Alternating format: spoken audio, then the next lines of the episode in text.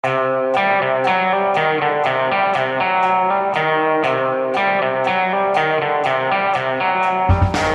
visste jeg at alle dagene som kom og gikk, de var selve uke 44. Velkommen til en ny uh, ukeavslutning her i Giæver og gjengen. Og Hanne, jeg tror bare vi skal begynne med å introdusere ukas gjest. Hjertelig velkommen til deg, Martin Kolberg. Tusen takk. Takk for at jeg får komme. Du har vært, eh, må vi si, eh, ukas navn denne uka i, i norsk politikk. Og på tirsdag, var det vel, så hadde du pressekonferanse for boka di, som er altså ført i, ført i pennen av, av, Hegge Ulstein fra, fra, Dagsavisen, men som er din historie. Uh, og da holdt du en uh, lang og uh, må si, emosjonell innledning som var et slags farvel til norsk politikk og norsk presse og norsk offentlighet i det hele tatt? Ja, det er riktig forstått, vil jeg si. Jeg følte det også sånn sjøl. Og eh, jeg syns det var et stort privilegium, egentlig. Eh, både å få bok, selvfølgelig, eh, men også å få lov til å snakke til det som vel dere noen ganger bruker som uttrykk, en samlet norsk presse. I den forstand at den samlede norske Oslo-pressen som er konsentrert om politikk. Og da syns jeg at jeg fikk sagt det jeg ville, og du sa det var litt emosjonelt, og det er helt riktig. Og det er fordi at jeg har et veldig sterkt følelsesforhold til Arbeiderpartiet og til politikken, og til jeg har vært med på, slik at eh, da sparer jeg ikke på noe ved den anledningen. Jeg syns ikke det er noen grunn til det. Uten følelser uh, går gærent med politikken, sa du omtrent? Var vel det ja, du sa? Ja, det var omtrent det. Og uh, for politikken er ikke, en, i mine øyne, da, en rasjonell øvelse.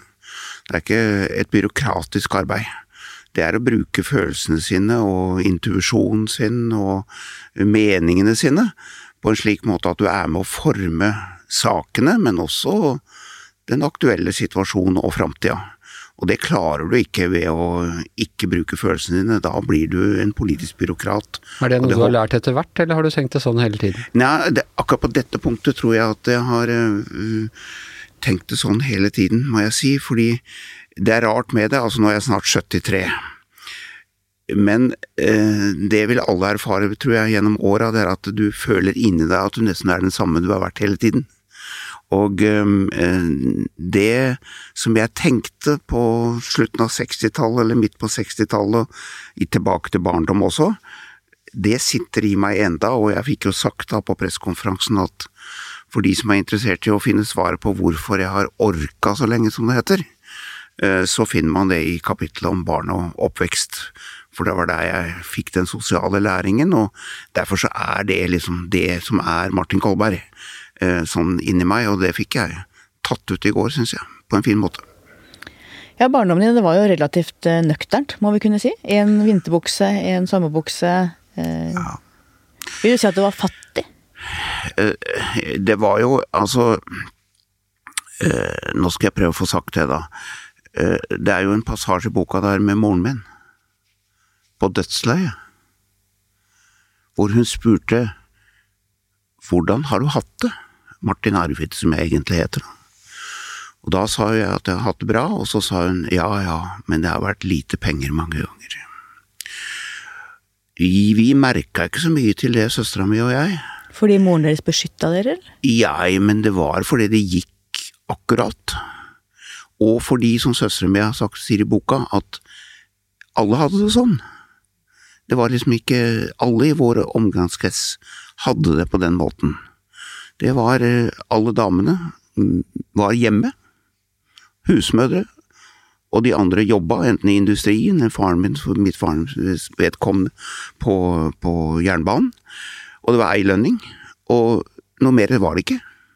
Og der gikk grensen, og det måtte man klare seg med. Og det holdt akkurat. Men det var et proletariat. Snakket dere barna dere imellom om pengenød, eller hva dere ikke hadde råd til, eller var ikke det noe tema? Nei, det var ikke tema. Det var eh, Kulturen var satt, og eh, alle hadde det sånn. Så det ble oppfatta som ganske greit, og det var ikke sånn at du ble mobba på skolen fordi jeg gikk i skolen i hoppbuksa mi. Det var aldri noen som sa noe om det. Men det var altså et klasseskille opp mot landbruksbefolkningen, eller bondebefolkningen, som jo var da eiendomsbesitterne og de som rådde oss over arbeidsplasser. Senterpartiet, rett og slett? Ja, både og, skal jeg si. Eh, Senterpartiet kanskje den gangen. Men eh, i Lier kommunestyre sitter det bare tre representanter for Senterpartiet. Det er Nå eller da? Nå. Det er Høyre. Men barna, eh, hva skal jeg, eiendomsbarna, da, landbruksbondebarna, lekte dere med dem, eller var det også et skille i Nei, det- lekeflokken? Det beskriver jeg veldig tydelig. Eh, Vi gikk på skolen sammen, det var helt greit, men vi lekte aldri sammen. Det var ikke naturlig. Så det bød ingen forklare oss, det bare falt på plass.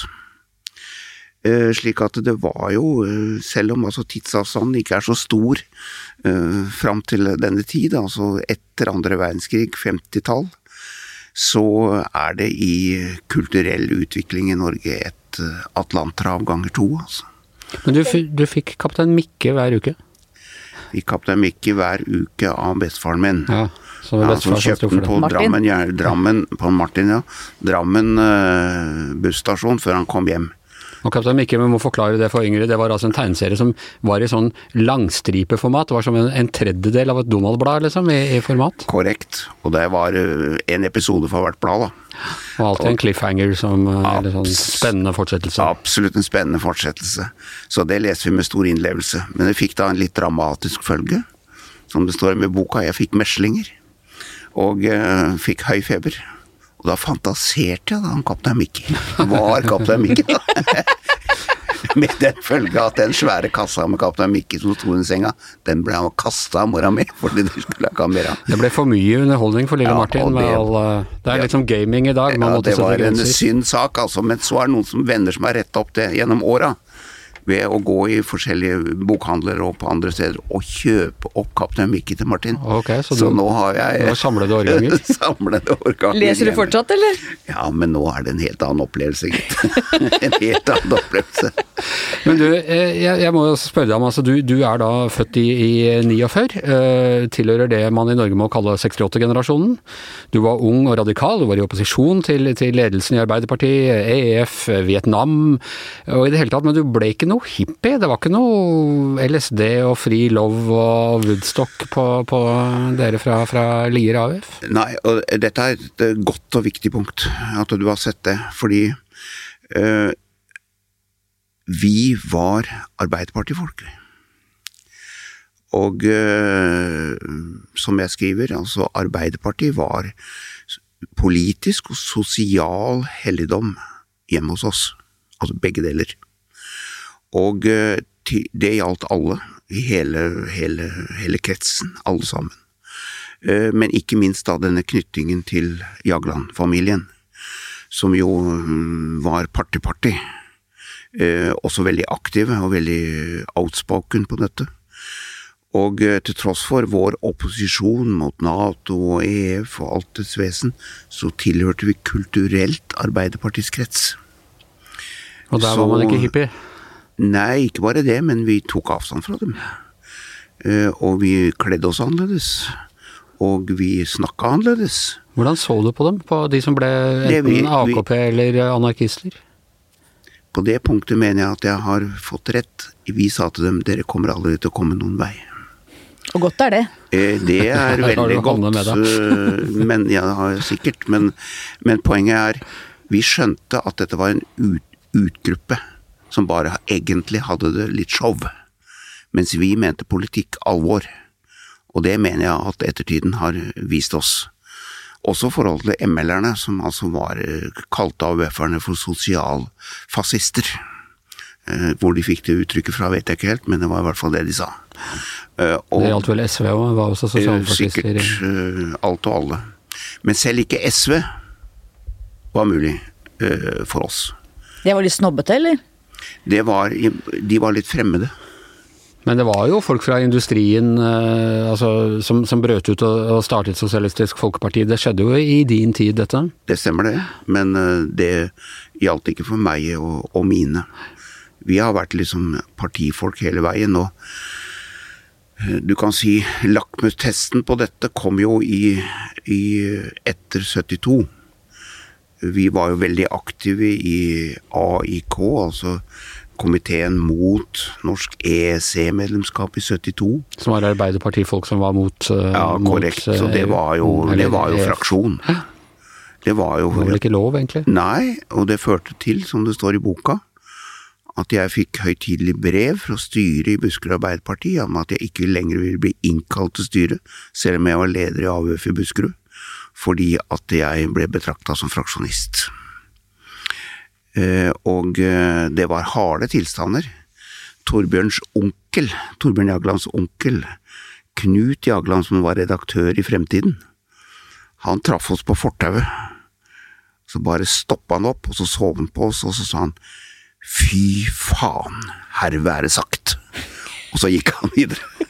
Og Det står i boka at uh, Torbjørn Jagland ble ganske bleik. Han, Han ble ble sint, men uh, vi forsona oss begge over han, for vi holdt begge to tale da Knut var død i begravelsen, både Torbjørn og jeg, mange år seinere. Du kom altså til Youngstorget, uh, mytisk i, i norsk uh, politikk, og med en del skikkelser der, ennå operative der som da var mytiske. Eksempel Einar Gerhardsen var vel, uh, var vel ennå relativt operativ da, det, da du uh, kom inn i sentralstyret hos Ja, ja, visst, visst, visst.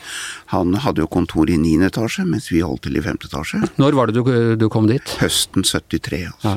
Høsten 73.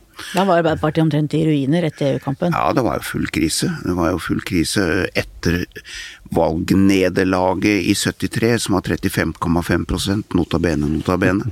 Det var ikke 36,9 engang. Nei, men da datt taket ned, altså. Og eh, jeg Og SV ble kjempestort.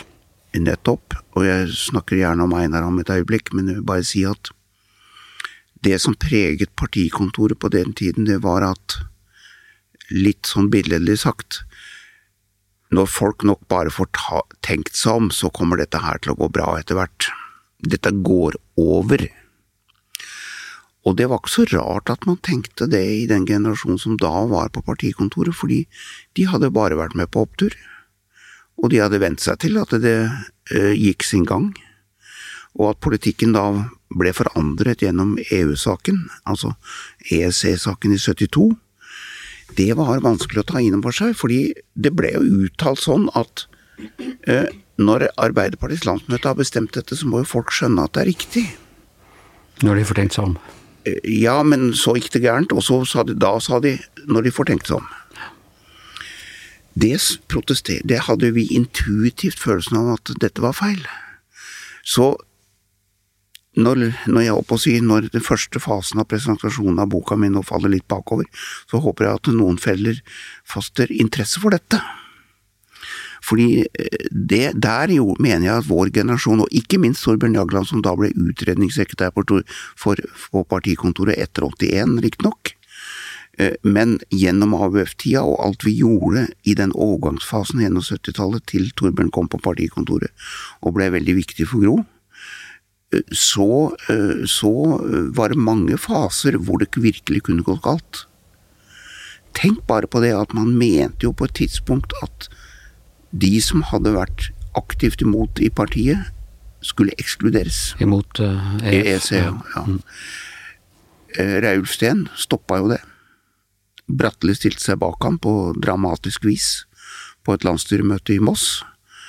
Og eh, da la de det nye sporet, og det ga plass til folk som meg, Bjørn Tore, Kåre Myhrvold og andre som da ble betrakta som fornyere av partikontoret da på høsten i 73. Men det du også beskriver, og som vi jo vi har lest om før også, er jo Torbjørn Jaglands rolle både i å bygge bro den gangen, også i rakettstriden, den enormt opprivende striden om sikkerhetspolitikk. Så han var jo veldig lenge både din aller, aller beste venn i verden og en brobygger i Arbeiderpartiet. Og så gikk det på en måte helt motsatt på et tidspunkt. Altså, Tor, eh, Tor, eh, jeg kan ikke få sagt med nok ettertrykk, og jeg håper at det kommer tydelig fram i boka. Det er at jeg mener at Torbjørn er politisk veldig flink. Og har gjort veldig mye bra. Eh, På veldig mange vis, egentlig. Og som jeg var innom nå, eh, men som jeg passer på å gjenta, det er at eh, Ivar Leverås, som jo var partisekretær på den tiden, han han passa jo på å få Torbjørn over som AUF, rett fra AUF til utredningssekretærjobben. Og det er ingen tvil om at Torbjørn da jobba tett sammen med Gro i de vanskelige årene for Gro. For fra 81 til 86 så var det ikke noe enkel periode for Gro. Det, har vi liksom, det ligger så langt tilbake at vi nesten glemte, men jeg ikke glemte. Og jeg husker veldig godt For da skulle man også gjenoppbygge partiet litt? Og ja, vært, eh, gjenoppbygge partiet, og det hadde tapt både eh, EU-saken og eh, Nå hadde vi riktignok et veldig godt valg i 77, og vi fikk Olvar Nordli som statsminister, som jeg mener er for lite, for lite beskattet, egentlig. Det er vel kanskje et galt uttrykk, men for, han har fått for liten ære, mener jeg å si. Så mistet man makten igjen i 81. Men så mistet man makten gjennom, gjennom Gro, og da ble det noen vanskelige år. Det er ingen tvil om det. For hun hadde vært innom som statsminister i 81, og så var det rett i opposisjon som partileder. Ja. Med mye motstand, bli kvitt da, og mange sånne Hun møtte mye motbør, både fordi hun var kvinne og fordi hun var lege fra vestkanten. Men eh, der skriver jeg jo, la meg passe på å si det her og i VG også nå, at jeg mener at partikontoret forsømte seg når vi ikke forsvarte Gro mye mer aktivt mot den hetsen. Tiden var ikke ordentlig moden til å ta kvinnekampen ordentlig. Og heller ikke dere som var da skal vi si, oldtimeren i AUF på den tiden, Nei. støtta egentlig Gro. Dere ville ha Einar Førde dere på, på lang sikt. Ja. Og boka sitat, det ligna jo ikke grisen. Det, det kan man i hvert fall, i hvert fall si eh, i ettertid. Og må også da si med, med Jagland ledet jo også dette rådslaget i Arbeiderpartiet, som gjorde at man ikke fikk den, en så opprivende strid i forkant av, av folkeavstemningen i, i 94. Så er det altså kommet til, eh, det kommer til et brudd mellom Jagland og deg, og det har vært, eh, du beskriver det i boken. Jagland har beskrevet sin versjon i sin bok, og det har vært mye snakket om i pressen denne uka, så vi trenger ikke å gå i detalj på det. Men eh, jeg er interessert, altså Både Hanne og jeg vi snakket om deg. Vi opplevde deg først på 80-tallet, da vi starta i, i mediene.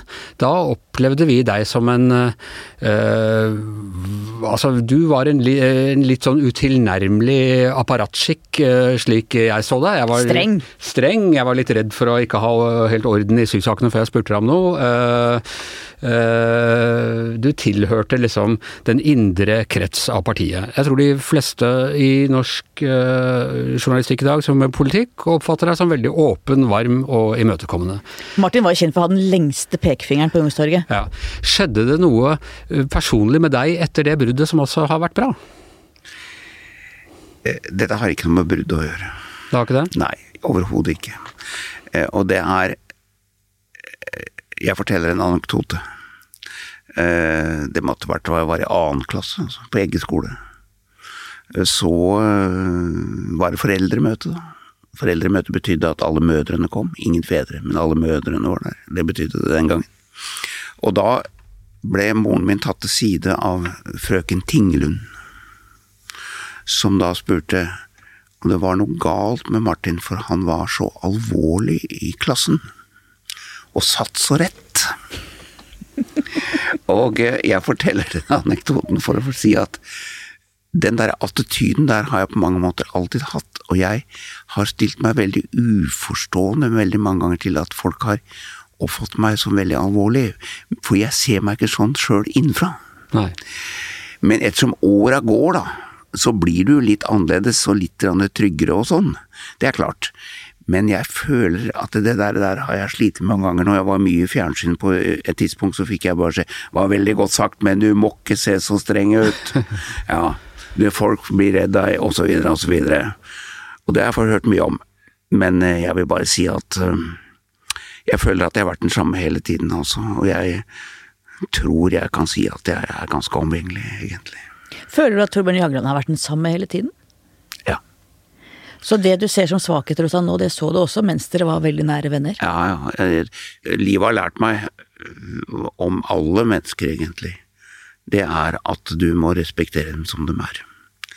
Eh, Få Gro til å snakke annerledes enn det hun selv ville snakke, som han prøvde på, var et idiotisk prosjekt. Dere prøvde å få henne til å fortelle en vits en gang.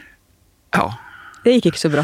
Men historien er jo morsom, fordi det var jo da på dette tidspunkt hvor, hvor Gro ble anklaget for å liksom prate tørt, og det var mye innskutte relative bisetninger og eh, lange resonnementer og alt dette.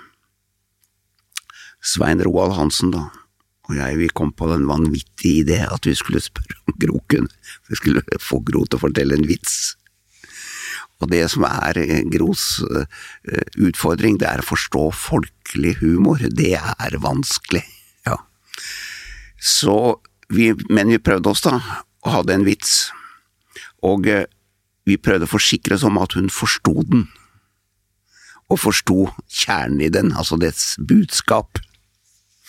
Og vi følte oss etter hvert ganske trygge på det, men for å være helt sikre, så la vi den da inn i kursiv i en tale. Og det var attpåtil, tenk på det, altså, det var litt av en greie, på årsmøtet i Sør-Trøndelag Arbeiderparti Oppdal, der sitter jo 250 visefortellere og sånt. Og det var akkurat da Gro begynte å bruke briller. Og så var det gikk tallene fint, uten briller. Og så kom hun fram til det punktet, og så sier hun ja, så er det slik at mine medarbeidere mener at jeg skal fortelle en vits. Da tar hun på seg brillene. Og så leser hun vitsen. Så leser hun vitsen, og så blir det helt stille. Og så braker det løs.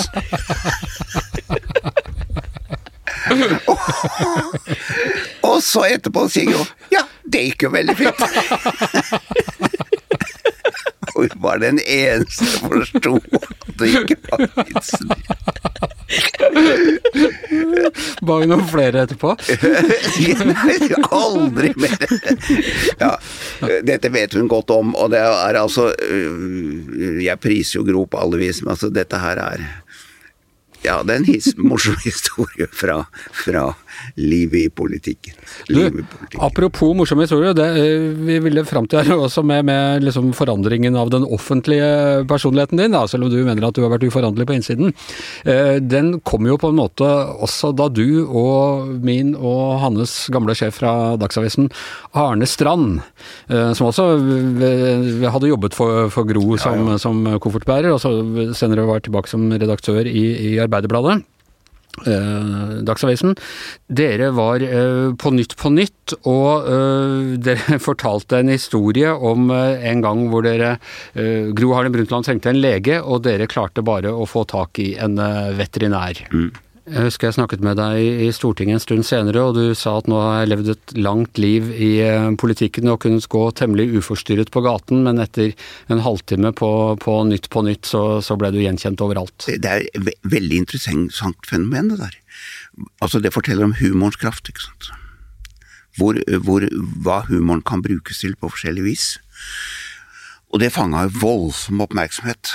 Visstnok delvis for folk ikke hadde venta at jeg liksom eh, var morsom, da. Og de hadde vel ikke venta at jeg liksom eh, snakket på den måten. Man kan jo forstå det, Martin Kolberg. ja, men dere, dere, dere, dere driver på med det hele tiden, men jeg forstår ikke det, fordi at jeg jeg forteller jo Jeg forteller jo Nei, jeg, nei, jeg forstår ikke det ordentlig, fordi at jeg øh, mener at jeg altså har vært sånn hele tida, da. Men eh, historien er jo Det var Jonas Gahr Støre, altså, som hadde sagt til produsenten at eh, Martin Kolberg er morsom, spør han. Og det hadde det vært en diskusjon om oppe i redaksjonen, og de hadde da falt ned på at de skulle spørre. Og så da jeg var da på forberedelse, så hadde da denne som da satt ansvaret for meg, kommet tilbake til produsenten og sagt dette tror jeg ikke kommer til å gå mye bra. For jeg sa det syns jeg ikke noe om, og det syns jeg ikke noe om, og sånn. Ja. Vi hadde jo avtalt, Arne og jeg, at vi ikke skulle ta den saken. Og Det var altså historien om da dere sendte Gro til veterinær? Ja, fordi grunnen til det var at Eva Amble Larsen, som jo da jobba med meg, hun sa nei, det får dere ikke lov til å utlevere Gro på den måten, dere får ikke lov til det, jeg sier bare dere får ikke lov til det. Så da vi kom i studio, så var det bestemt at det skulle ikke skje det, men Arne, vet du. Dere kjenner jo Arne, han begynte med sånn Den lette knegginga si. Og så sa han ja, hvorfor ler du, sa Almås. Ja, det er det med dyrlegen, sa han, ikke sant. Og da var løpet kjørt, altså. Da skjønte jeg at løpet var kjørt. Og så sa jeg nei, ikke ta den. Og så kom historien, da. Eh, som ifølge NRK var en av de mest sette programmene etter hvert. Og jeg tror den ligger der ute ennå, så er, den er mulig å, å, gjennomsøke for den som måtte ha moro av det. Jeg var i en begravelse her for 14 dager siden, og da kom det en mann bort til meg og sa at jeg vil gjerne få lov til å hilse på deg. Og det har jeg tenkt på i mange år. og Det er etter at jeg så det Nytt på Nytt, og det var altså i 2007. Og da må du fortelle hva betyr loff i trynet? For det var det du hevdet da at Gro hadde sagt til deg? at nå ser det ja, ut som en loff i trynet? Ja, hun sa stadig det. Både den ene og den andre var loff i trynet. okay. Og det var ikke bare deg? Nei, det var ikke bare Hvem meg. Hvem andre? Eh, nei, Jens. Var, nå er du loff i trynet, Jens. Og det er hvis du ikke svarer fort nok og presist nok og eh, forsøker å skjule noe for sjefen. Da ser du liksom litt rar ut i ansiktet, og hun avslørte det hele tiden. Hun sa hun hadde lært det på 60-årsdagen min, så holdt hun å tale om loff i trynet. Og sa at hun hadde lært av sin far, altså Gubbe. Eh, og altså han, Gubbe Harlem, som da Gubbe var Harlem, ja, som sentral Arbeiderpartipolitiker og, eh, nettopp, og statsråd. statsråd. Uh, forsvarsminister og sosialminister, og, og Gros far, altså. Og han hadde sagt at uh, vær oppmerksom på i departementet. Hvis uh, de prøver å holde noe skjult, så ser de ut som loff i trynet. okay. Det var embetsverket som opprinnelig ja, var loff liksom, Hvis de forsøker ja. liksom å uh, bare være oppmerksom på det. Så hun forklarte hvor hun hadde fått det fra. Men det var jo et morsomt uttrykk, da. Du, hvem tenker du er proletariatet i Norge i dag? For det første vil jeg si at proletariatet tror jeg er, eller mener jeg jo er, for stort for mange. Det er altså for mange som er Ja, som er i de den kategorien Ja, som er i den kategorien at vi i dagens politiske og sosiale virkelighet kan kalle dem for proletariat.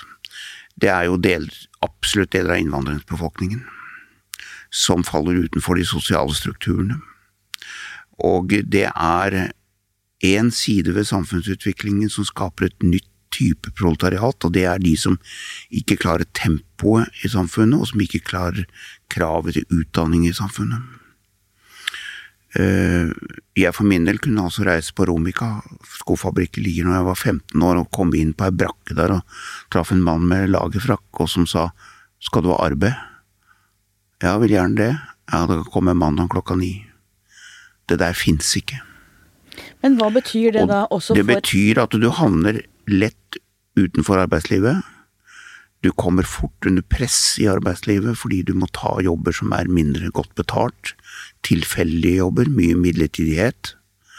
Og du kan fort havne på Nav, som det heter.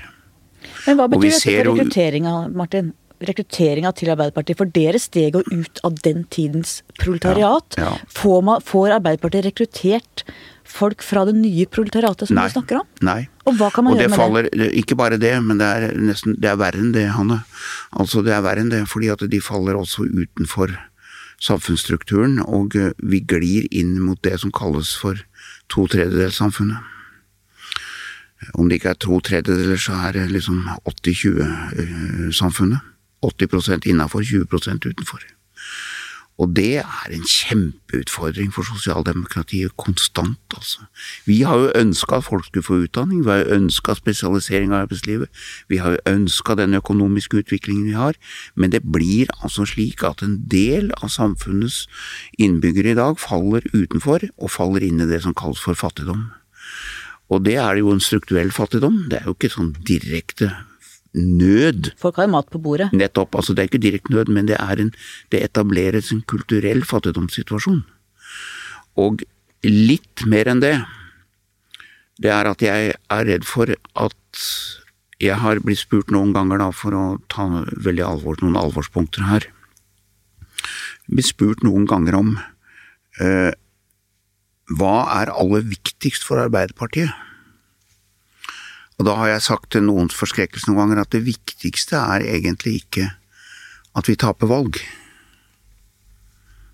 Men det viktigste er at vi ikke må tape samfunnsmakten. Og hva snakker jeg om da? Da snakker jeg om folks forståelse av hva som er rett og galt. Og hvis man ved søndagsbordet på Villaene på Tranby i Lier sitter rundt bordet, middagsbordet på søndagen og sier ja, ja, han naboen han havna på Nav, men han har seg sjøl å takke.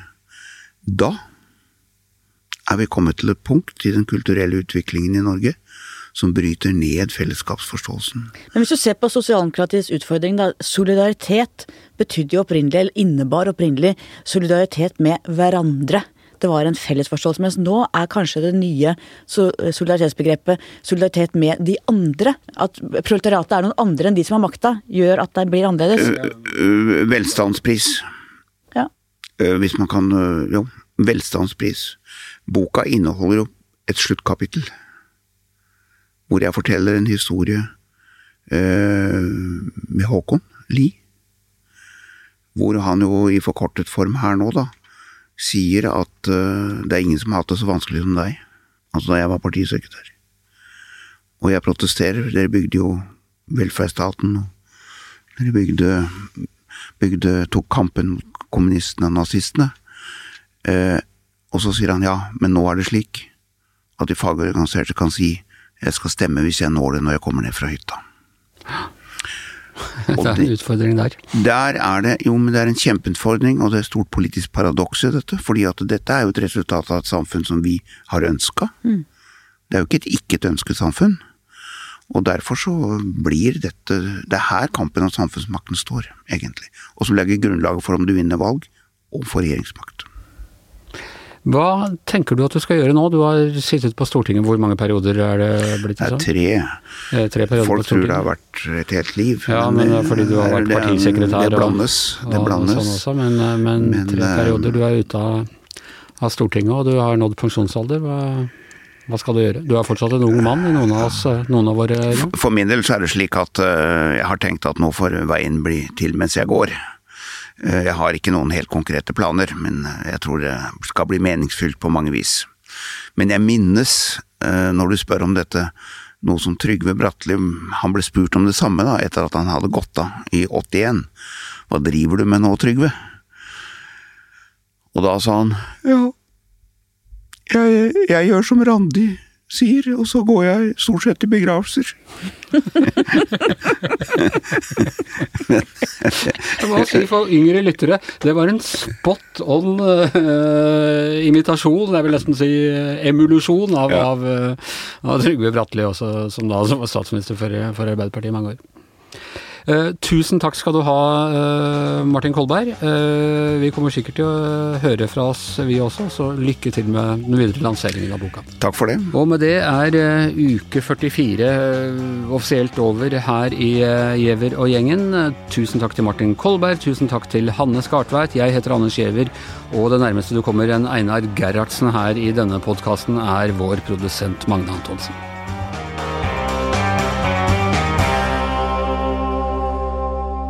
Du har hørt en podkast fra VG.